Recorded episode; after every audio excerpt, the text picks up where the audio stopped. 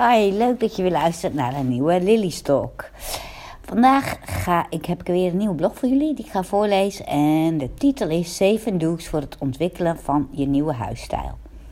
Yes, het grote moment is daar. Lily in the City heeft een eigen huisstijl.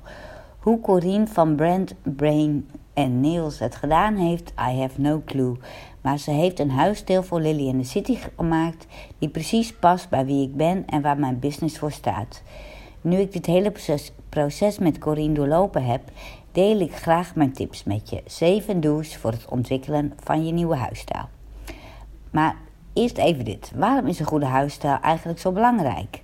Je, huis, je huisstijl kun je zien als het gezicht van je bedrijf. Met een goede huisstijl laat je zien wie je bent en waar je, waar je bedrijf voor staat. Het versterkt je positie en is supergoed voor je herkenbaarheid. Vaak is je huisstijl het eerste wat de klant van je ziet. Je kunt, en je kunt maar één keer een eerste indruk maken, dus die moet dan wel precies het juiste gevoel overbrengen. Zonder klant geen omzet en zonder omzet geen business. Redenen genoeg om te zorgen dat je huisstijl staat als een huis. Of niet soms. Oké, 7 do's voor een nieuwe huisstijl. Maar hoe pak je het aan? Waar moet je op letten bij het ontwikkelen van een huisstijl die precies bij je business past? Met deze 7 to-do's op zak weet jij straks what to do en waar je op moet letten. Oké, tip nummer 1. Rockt je huidige huisstijl nog. Ik ben mijn business zonder huisstijl begonnen. Iets met first, first things first. Ja, moeilijk hè? Moeilijke woorden. Mijn focus lag bij mijn klanten. Geld op de plank en niet bij de look and feel van Lily in the City. Eind vorig jaar vond ik het fundament van mijn bedrijf stevig genoeg en heb ik Corine gevraagd om een huisstijl voor Lily in the City te ontwerpen. Heb jij al wel een huisstijl? Neem deze dan eens grondig onder de loep. Vraag jezelf af wat de identiteit van je business is. Waar sta je voor? Wat vind je belangrijk? Wat zijn je kernwaarden? Sluit je huidige huisstijl hier nog bij aan of is het tijd voor een frisse wind? Vergeet ook je klanten niet. Hoe zien zij jou? Krijgen zij het gevoel dat jij met je huisstijl wil overbrengen? Tip nummer 2. The right vibe. In de intro vertelde ik je al waarom een huisstijl zo belangrijk is.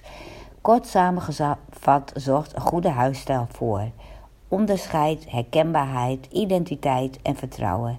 Stel je het logo van Coca-Cola, Apple of bijvoorbeeld de leeuw van ING eens voor.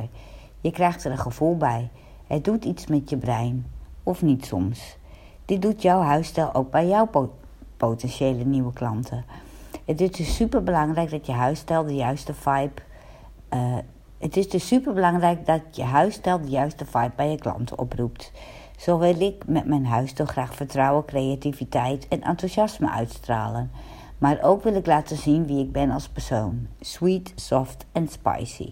Het is eigenlijk wel een beetje jammer dat jullie de nieuwe look en feel, niet, of mijn hele nieuwe huisstijl niet kunnen zien. Maar dan zou ik even naar lilyanthecity.nl gaan. Dan kan je het, uh, dan zie je het gelijk. Maar goed, we gaan door met tip nummer drie.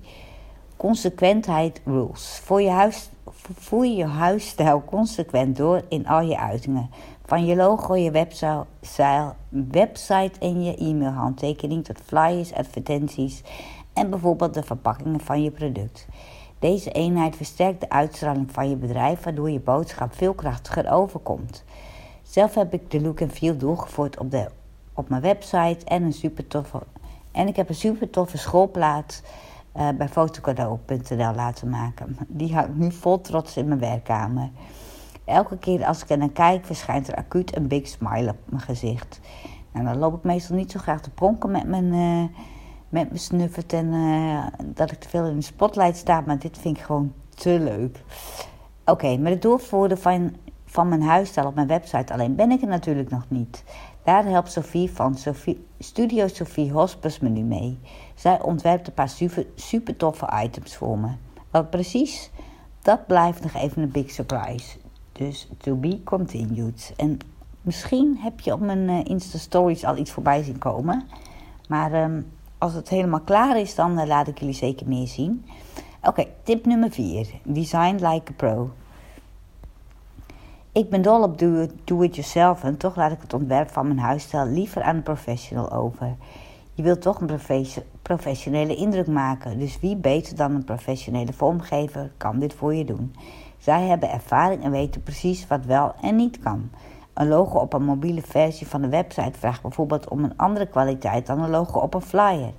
Ditzelfde geldt bijvoorbeeld ook voor het kleurgebruik, de typografie en de layout. Corine van Brand, Brain Nails heeft me ook geholpen bij, met een bijpassende payoff. Lily in the City, jouw digitale sidekick. Ook de quote: So much to do, so little time heeft ze voor me bedacht. Wel is het super belangrijk dat je een duidelijke briefing aan je vormgeving geeft. Uh, als je duidelijk doorgeeft wie je bent, waar je voor staat en wat je kenwaarden zijn, scheelt dit een hoop tijd en frustraties, zowel voor jou als voor je vormgever.